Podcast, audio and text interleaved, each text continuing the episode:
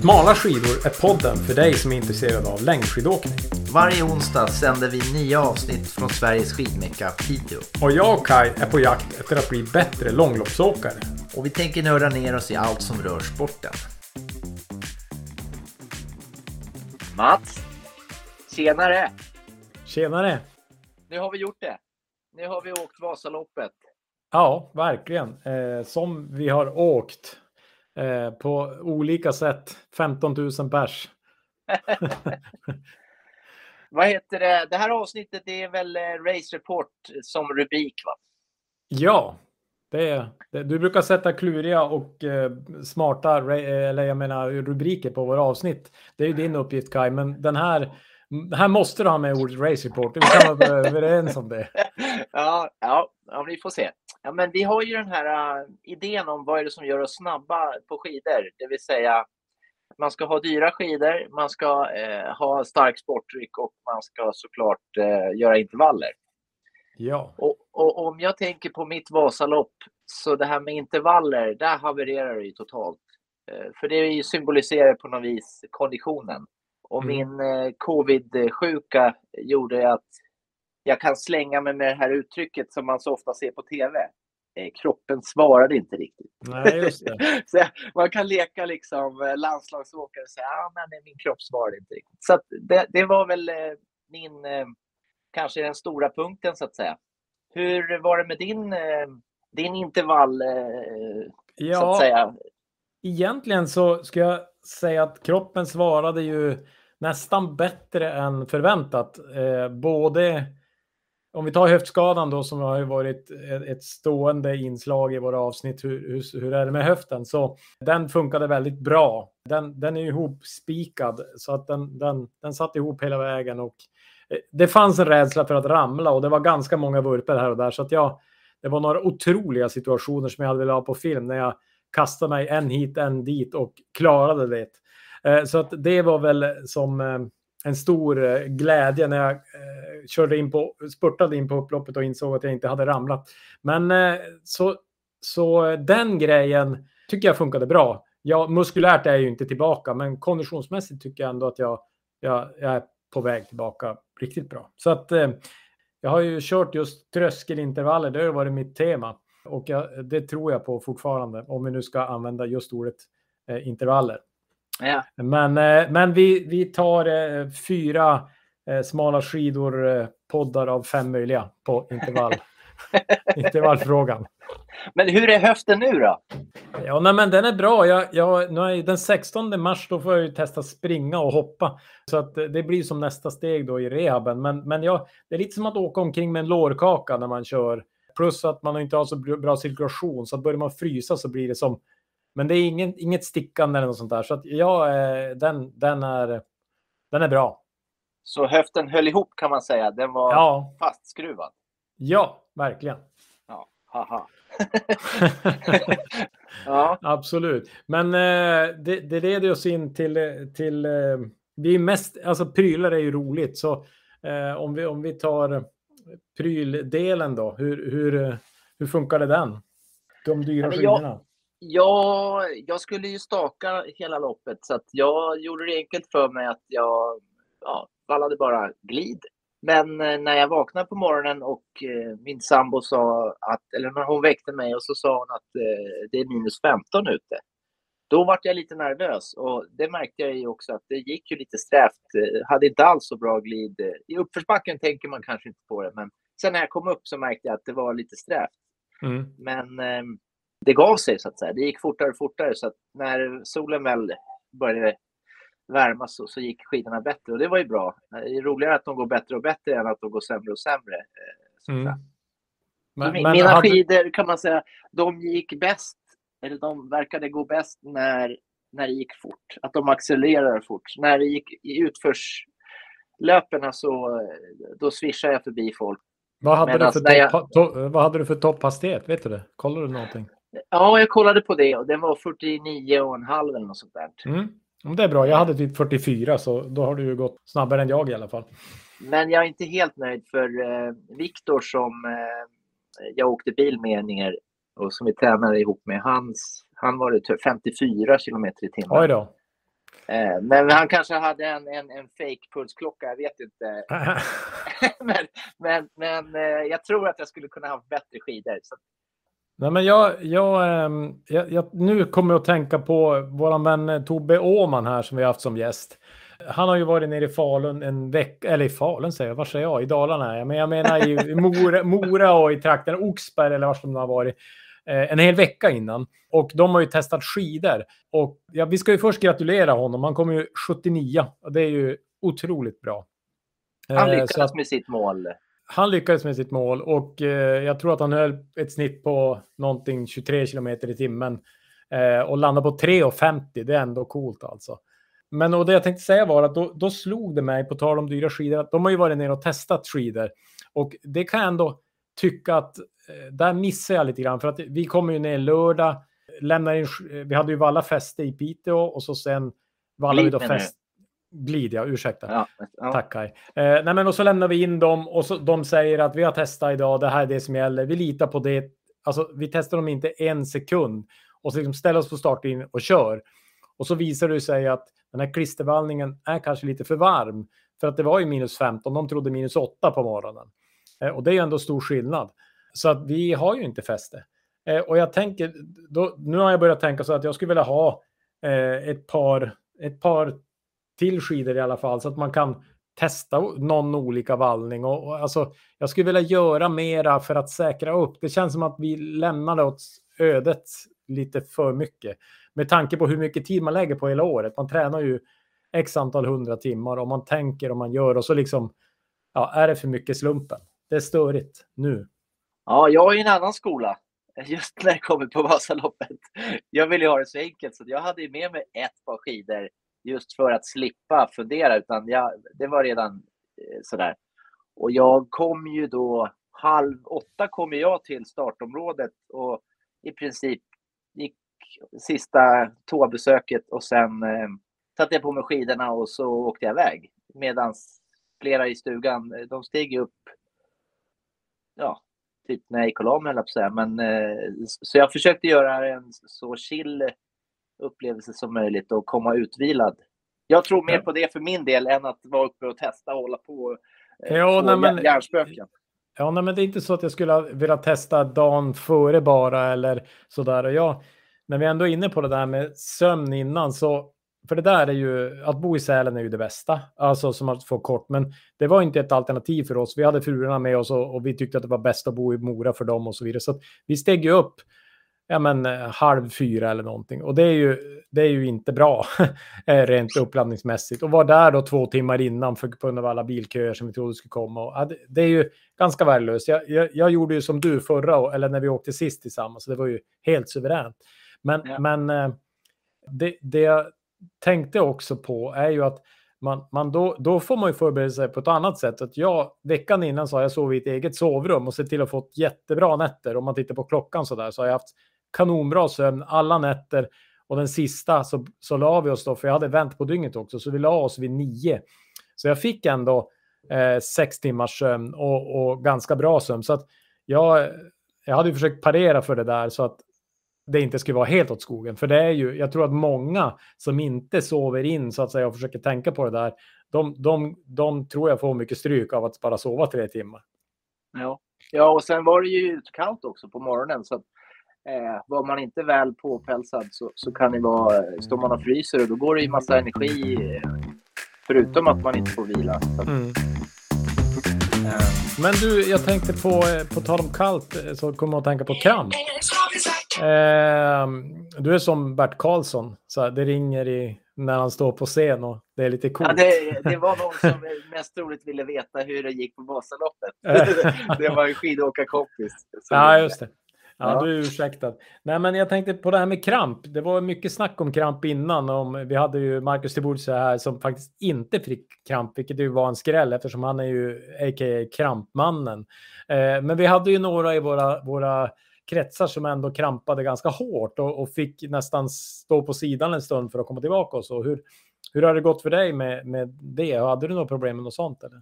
Nej, jag var, alltså i backen så blir man ju lite spänd i armarna eh, i en muskel typ i triceps. Den är väl spänd fortfarande. Men det, den är förlåten för det så att säga. Mm. Um, men nej, jag har inte något problem med det. Det var väl eh, mer gasen som var liksom eh, jag inte kom upp i, i puls. Jag hade varit tror jag, nio sekunder på rött Mhm. under. Eh, eh, och jag brukar inte ha några problem att ha, ha lite röda minuter eh, så att säga. Jag hade Ehm. 40 minuter på rött. Så att, Ja, ja. Men, men du, eh, ja, ja, nu hoppar jag fram tillbaka. Men jag, jag, vi har inte pratat om starten heller. Rent generellt sett starten. För den var ju från mitt perspektiv kaos mot för andra gången jag åkt. Eh, så innan starten gick så kom ju flera startled på vänsterflanken från femman och sexan bara och gled om innan startskottet gick. Det var ju helt... Och så vart det ju krascher och det var... Hur, hur klarade du liksom... Hur kom du det vidare där? ja men jag hade ju. Ja, jag stod ju typ längst bak i trean för att jag kom Mm. eh, precis innan. Eh, och jag tänkte att jag skulle få någon fördel av det eh, ändå i och med att jag aldrig har startat i trean, jag startat i fyran och, och längre bak. Men backen var, jag tyckte det, det stod still alldeles Mm. mer än jag, jag, jag trodde. Men det var ju någon krasch precis på startsträckan där som man fick liksom skata förbi, trampa runt eh, när de låg ner och det var ju stavar och jag tänkte shit, nu blir det repor under skidorna. Men eh, så det var lite action. Det var, det var lite spännande sådär, eh, men tråkigt också såklart för de som har.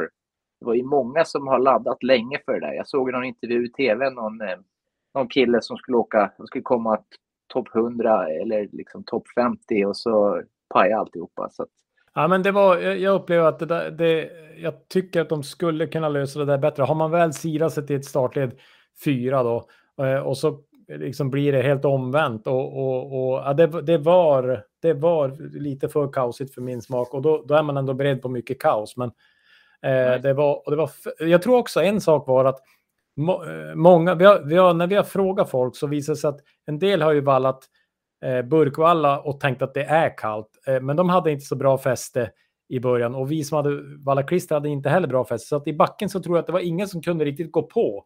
Alla alltså, började saxa ganska mycket. Eh, och det gjorde att det blev trångt i backen. Alltså kunde alla liksom gå på med fäste och ni som stakar är också smala i, i om man säger i kroppen i er stakriktning. Då tror jag Ja. att det skulle ha flyttit på. Men nu blev det massor alltså, av, av fästesåkare som skulle ut med skidorna och så blev det ja, det blev för trångt på, för den åkstilen. Så jag, jag tror att det hade också med förutsättningarna gjorde att det blev lite sämre i backen. Är min Ja. egen tolkning, men eh, den kan vara rätt eller fel. Men jag, tror det ligger någonting i det i alla fall. ja, Men du, eh, vi- våra tredje begrepp energi då, eller starkt sporttryck, hur, hur funkade energiplanen? Ja, jag lärde mig att sådana här soft bottles som jag hade laddat med och, och satt dubbelhäftande tejp på, att ehm, de som jag hade, de här, de var lite skrovliga i, i ytan, vilket gjorde Mm. att kardborren släppte. Så jag, Ah. hade, jag hade dem som någon form av, ja, hur säger man då, En extra snopp som hängde utanför för vätskebältet. Så det såg lite lustigt ut, eh, men det gick ju bra ändå. Men det var lite mer fippel. Men eh, jag drack nästan upp allting. Eh, Mm. så, så, så det var bra. Men man Ja. ledsnar ju på Ja. och sånt där efter ett tag. Aj, aj, aj, aj. Jag, jag var så nöjd för jag, jag eh, åkte ju dit med min kompis Thomas då och vi hade ju samma energiplan. Bägge hade en vit langningspaket och så hade vi liksom räknat ut då. Vi hade fem extra gels som vi skulle ta förutom då de fem vi får i langningen. Så jag hade bestämt då 84 kilometer, 76 och så kommer langningen och så däremellan och så där. Så vi hade bra koll på när vi skulle ta. Och, och sen då eh, 1,3 liter sportdryck och starkt blandat. Och när jag, när jag kom i mål så då, när, liksom, när jag drog någon kilometer innan målet då, då, då kände jag liksom att jag inte fick ut någon mer vätska. Så jag hade precis tömt eh, vätskan. Men Thomas, som då hade fått ganska mycket kramp också, eh, han hade en liter kvar. Eh, han Ja. hade trott att han hade druckit, men han hade druckit någon klunk då och då, men han hade bara fått i sig tre deciliter.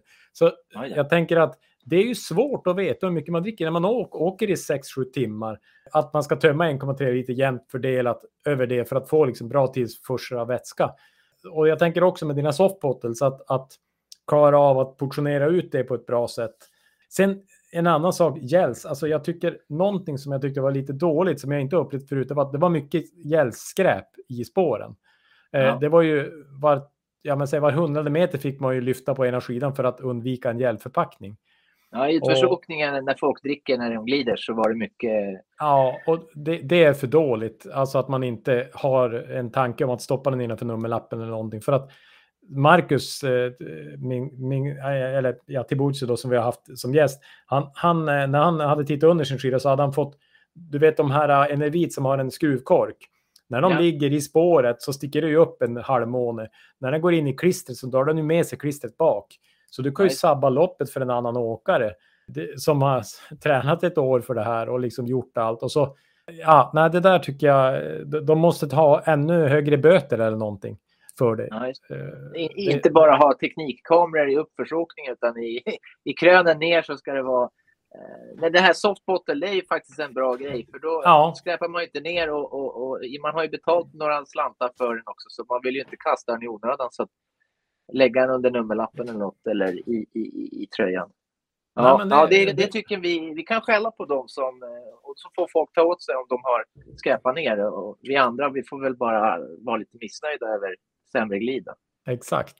Exakt. Men, men hade du några mål eh, som eh, liksom prestationsmål, tidsmål eller eh, sådana där, eh, förutom ja. att dricka mängd socker? Så att, ja, precis. Nej, men, eh, mitt, mitt mål som kanske, det låter ju lite banalt nu, men det var ju ändå, det var att genomföra det för mig. Ja, det var ju inte 100% säkert att jag skulle åka och så där. Så att, eh, nu när det gick så bra så tänker man ju som det var kanske för mesigt, men men jag, eh, ja, det var som det första och tydligaste målet jag hade. Sen någonstans hade jag väl sneglat mot sex timmar när jag ändå tyckte att det som kändes bra. Eh, men jag hade ju nästan inte fäste någonstans så jag är ändå nöjd med tiden. Men jag tror jag hade kunnat åka på sex timmar med bra fäste. Ja. Eh, och det, en annan tanke jag också har haft är att man har, man har ju sagt som att Åh, det var så bra förutsättningar i år så att man kan ju som inte klaga. Eh, men, men man upplever ju ändå när man åker hela tiden att man utmanas av förutsättningar. Att det var vissa ställen tycker jag att spåren, man var som skak, alltså att man, eh, de var som ryckiga i sidled på något vis. Och ja, men det blev blött och det var kallt och det, alltså, så att det var ju om jag förstod det, är alltid det, någonting, det är alltid någonting som, och, och ju fortare man kan åka, man blir, alltså, det är ändå jobbigt. Det blir ju aldrig lätt åkt. Nej, men det blir väl inte det. Så man, man, man, får väl, man har väl sina egna ursäkter. Men, men det var ju de fantastiskt härlig dag hur som helst. Alltså, några stunder så tänkte jag ändå så här, nu ska jag titta mig om och le liksom. och försöka verkligen tänka så att man gör ju det här för att det är kul. Eh, och, och eh, ja, man får som, men man ser, det är roligt också att se, vi, vi har ju i vår skidgrupp har vi fått eh, race reports från alla. Eh, och man ser att många är ju redan inne på nästa år. Att ja. då är det revansch. Eh, och, och eh, det tycker jag är häftigt. Att, att man liksom redan nu kan, kan eh, så här, vända blad och, och, och, och lära sig massa grejer. Och vi, vi ska ju podda på och försöka lära oss ännu mer och hjälpa, hjälpa andra också förhoppningsvis. Ja, ja jag, hade, jag hade en stund där. Det, det var Johan i vår träningsgrupp, han, han startade ju ett led bakom mig. Men efter ett tag då kom han, tjena tjena, sådär bakifrån. och så tänkte jag, och då visste jag redan att nej, men det kommer inte gå så bra som jag har hoppats. Eh, sådär. Men jag tänkte jag måste ändå busa någonting. Så att, eh, man ska alltid ta chans och jävlas lite grann med glimten i ögat. Och, och jag frågade, har du bra skidor? Och jag såg att han hade bra skidor. Men eh, Sen var det en utförslöpa där han, åkte, han gled iväg så här och tänkte jag, jag måste göra någonting. Så jag, jag tog sats och verkligen bara stakade järnet och djup fartställning och så gled jag förbi honom. Liksom. Och han började svära. Han bara, men du sa att du hade dåliga skidor. Så, men sen tog det inte mer än någon minut, så, så, eller inte så länge kanske. Då stakade han ifrån mig. Så att, så att, eh, jag fick busa sådär och det var ju flera. Det var riktigt roligt. Det var flera av eh, våra träningskamrater som, som passerade mig och man fick en liten pratstund. Eh, också folk som jag inte kände överhuvudtaget. Utan man, Tjena Kai, hur går det med covid? så jag gissar att de har lyssnat på podden. Så, att, så jag får väl vara nöjd, apropå mål då, att jag kunde genomföra det efter förutsättningarna. Men, ja, men ingen, sex... av mina mål, eh, ingen av mina mål, jag misslyckades med alla mina uppsatta mål. Så jag har varit lite deppig på vägen hem. Men eh, nu har jag liksom eh, men det, förlikat mig var, med att det gick bra. Du var en sekund från ett av målen i alla fall. Ja, precis. Jag kan ju dra det lite som ett drama sådär. Eh, först hade jag ett mål som vanligt i och med att jag varit med i CCC 1000. Och den heter ju CCC 1000, Cross Country Clinic 1000. Då. Tanken är att man ska lyckas eh, komma topp 1000. Så det finns ju där och skaver eh, att det skulle vara kul. Och när förutsättningarna var så bra så tänkte jag att ah, det här borde gå. Liksom. Det har blivit bättre. Men det sket sig rätt så på en gång förstod jag. Då har jag räknat ut snitthastigheten. Och sen så var det medaljtid och sen fattade man att nej, men de åker ju fort som helst där framme så då var det ingen medaljtid heller. Men jag hade ändå på pulsklockan ställt in att jag fick snittfarten. Så tanken var att jag skulle åka över 15 kilometer i timmen. Och när man åker upp för backen då låg jag liksom inte på 15 utan då var det så att komma ikapp. Mm. Eh, så att snittet åker upp. Så jag var uppe på 15,6 eller något sånt där. Då var jag som nöjd och sen efter ett tag så märkte jag att det började trilla ner igen. Och sen så gick det ner på 14,9 och då, då deppade jag ihop och så tänkte jag nej, jag kommer inte ens klara sex timmar. Alltså, det var som... Men sen började jag räkna, det var någon backe och så kom jag upp på 15 och så började jag räkna att det här borde gå. Och jag spurtade liksom, ja, sista fem kilometerna åkte jag allt och jag tokstakade liksom. Eh, och det var hur kul som helst, så nu fick jag något att jobba på. Och sen kom jag in i Moraparken och så ser jag på klockan så här, jag kommer att fixa det här. Jag, och, då, och jag var så nöjd, jag fick ännu mer energi och sen gör jag liksom en Kläbo-miss. Så på upploppet, när det liksom är 30 meter kvar, så känner jag liksom bara, ja men jag är ju hur trött som helst, så jag bara glider. Men jag skulle tagit tre staktag till, för jag fick ju 6 0, 0, 0, 0, 0, 0. Så jag missade det sista målet jag hade med en sekund. Men du, det, jag tror att eh, av respekt för Kläbo så ska vi inte kalla det en Kläbo-miss, för Kläbo han vinner ju alltid med en tå. Utan det är en Johanna Hagström-miss snarare, om vi nu ska dra relation, rel, relatera till skidåkare. Kläbo ja, har väl ja, vunnit ja. 40 sprinter i rad eller någonting med en tå. Okej, okay, det var ett lopp där jag såg att han, han kollade åt fel håll och så gled ja. han och blev omkörd. Ja, ja det kanske men, var så. Men, men, men, i alla fall, så jag har ju fått träna på att eh, ställa om mina mål och eh, också vara nöjd. Jag menar, mm. jag har aldrig åkt. Jag slog mig själv med drygt en timme. Eh, så man får väl eh, klappa sig på axeln och sådär. Men revansch lär det bli till nästa år. Men du, en annan sak som vi diskuterade i bilen på vägen hem också, det här med medaljtid och så. Vi pratade med en eh, kompis som eh, hade åkt för något år sedan, det kanske var fem år sedan då, och tagit medaljtid då, och då var medaljtid 6.20. Och, och nu var det ju 5 och 15 eller något sånt där. Eh, men alltså, han hade åkt ändå alltså, snabbare nu, men placeringsmässigt sämre och medaljtidsmässigt sämre. Så att, och alltså åkkapaciteten hos hela gruppen Vasaloppsåkare är ju bättre. Alltså konkurrensen är hårdare. Alla blir bättre på att åka, tekniken blir bättre och utrustning och så vidare. Men också att eliten då naturligtvis följer med och åker ännu bättre.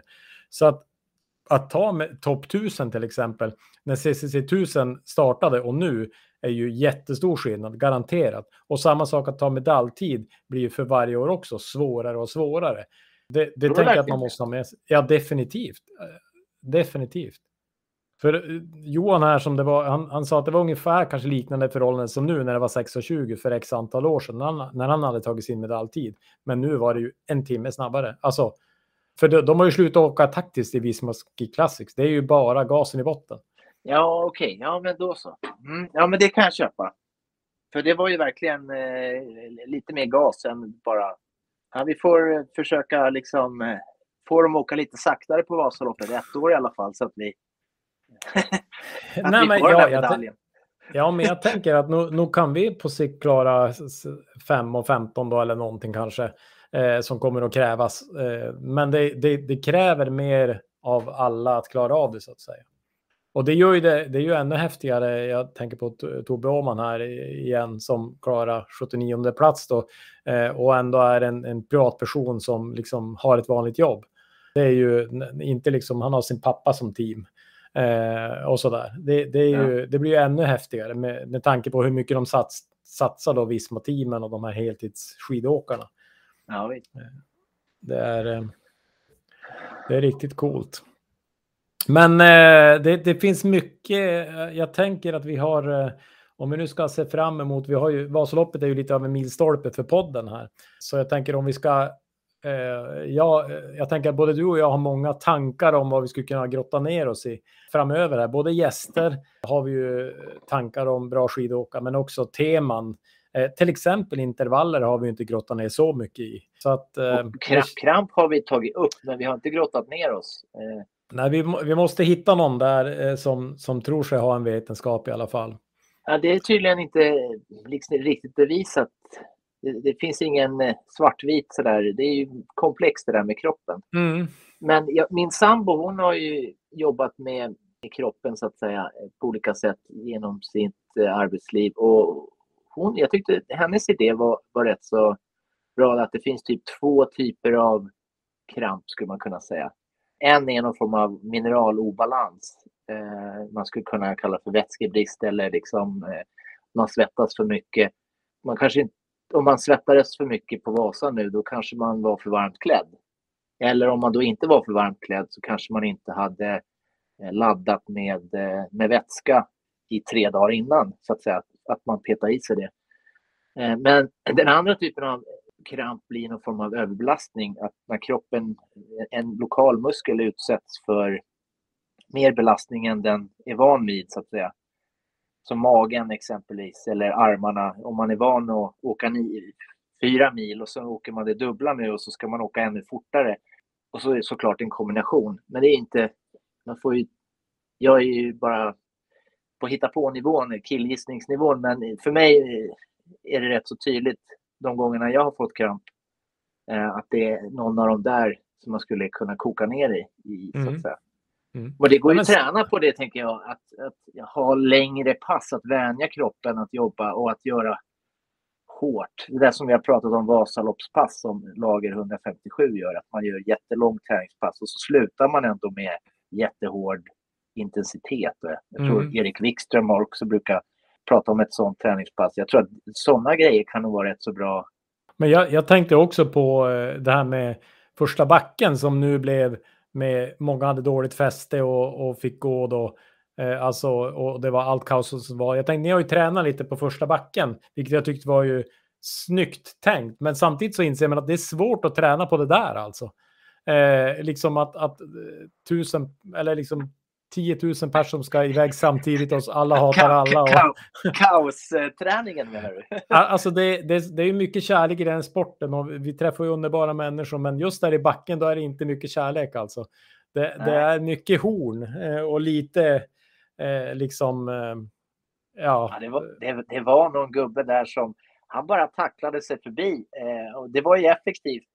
Men jag märkte att jag önskade nästan att han skulle brutit en stav eller något för att eh, eh, liksom, det var ju många skidor och stavar som det gick åt. Liksom. Ja, det är fruktansvärt. Nej, men man, man tänker, de, de har ju pratat om det där, det borde inte så svårt att bredda det 10 meter eller någonting, ta lite skor, men samtidigt säger de att det är för att inte folk som ska köra på för hårt. Men det, jag tycker det är en dålig ursäkt. Alltså, eh, de, alltså lite bättre skulle det kunna vara. Tycker du man. menar avverka skog istället för att lära folk skidvett? Ja, när du nu säger det så, så kanske vi ändå ska lära folk skidvett. Då, då.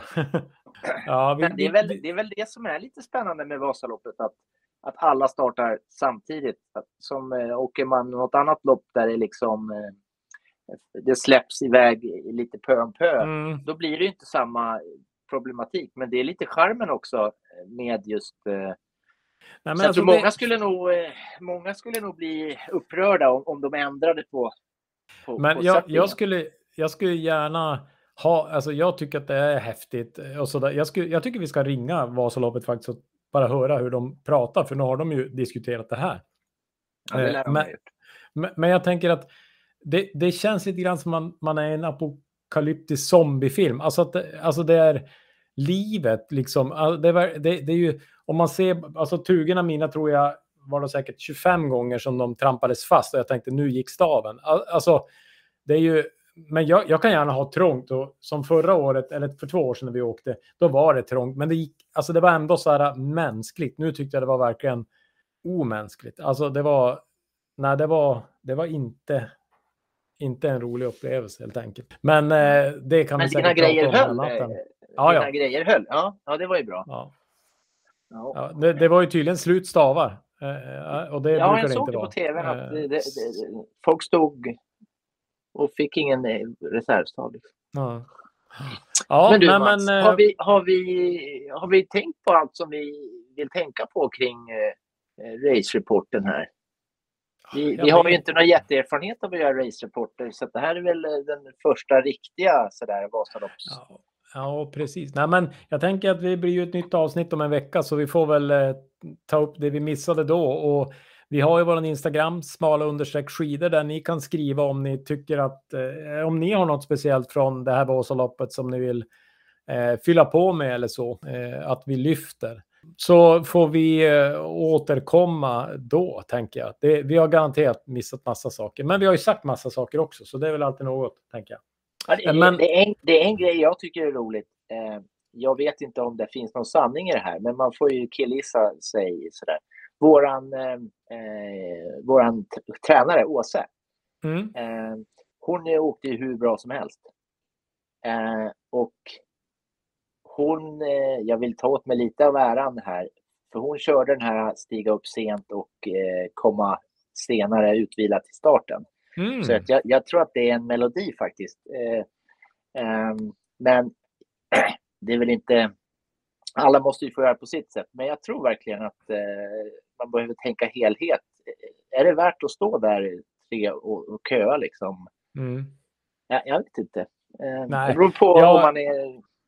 Nej, men det är inte värt det. För ja, förra gången vi körde så, så startade vi ju sent på morgonen och åkte dit och ställde oss längst bak. Och det, de, de minuterna som man tjänar på det, nej, jag, jag är helt på din sida Kaj. Jag, jag tänkte en rolig tanke, undra om vi tar alla som har lyssnat på podden och tagit åt sig av något tips från någon, eh, oavsett oss eller någon av våra gäster, så här, undrar hur många minuter snabbare totalt sett podden har gett på de åkare som har lyssnat. Det skulle vara intressant att veta. Ja, det är en research som vore kul. Alla, hur många avsnitt har vi gjort nu? Vi börjar närma oss 20 snart, va? Ja, det kanske är 20, 19 eller 20. Ja. Ja, jag tänker om man har fått med sig någonting, för det är lite ändå tanken med den här. Att du och jag ska bli snabbare, men att folk får tjuvlyssna på våra, eh, vårt snack. Och, Det är li- lite jobbigt att andra blir snabbare också egentligen, men, men vi ja, får ta det det. där, den där placeringarna blir ju inte lättare att få, men det är kul när, när eh, vi har säkert sparat flera timmar. Eh. Ja. När, när, när podden blir nog stor, då får vi lägga ner den, för då, då kommer vi inte att kunna ta några mer medaljer. Ja, då är vi startled 10, du och jag. Ja. det, det kommer bara gå bakåt, det blir jättejobbigt. Eh, ja. Ja. Nej, vi, det kanske blir ett bra slutord. Eh, f- nej, vi kan inte sluta på det sättet. Vi, vi, vi, vi, jag tänker, ska vi sluta med mål för nästa års Vasalopp då, Kaj? Vad tror du om det? Klart. Ja, ehm, jag vill sida mig till startled 2. Oh shit. Och jag ska renovera min kropp, eh, tänkte jag, under sommaren. Jag ska skaffa gymkort och bli stark. Det är ett mål, men jag vet inte om det är ett av de där målen som är ouppnåeligt, eh, som är för högt. Liksom, eh, men, Ja, men jag, jag, gillar, jag gillar tuffa mål. Jag gillar startled 2. Kör Kaj. Jag, jag, jag, jag klämmer till med startled 3 då och det, det hade ju någon så innan nu min skada så hade ju någon sorts så här, drömtanke om det. Men jag, det kräver ju sitt jobb. Men ja, det, det ska ju kunna gå ändå. Eh, Ja. Men då måste det göras jobb och renoveras, renoveras kropp ordentligt. eh, och, och att jag får det att funka med, med, med höften och allt det här såklart. Ja. Eh, Men det, det låter bra och medaljtid det har jag ju haft i många år så det, det fortsätter. Eh, Och jag tänker att är jag i trean och har en bra dag så då, då ska det kunna gå. Ja.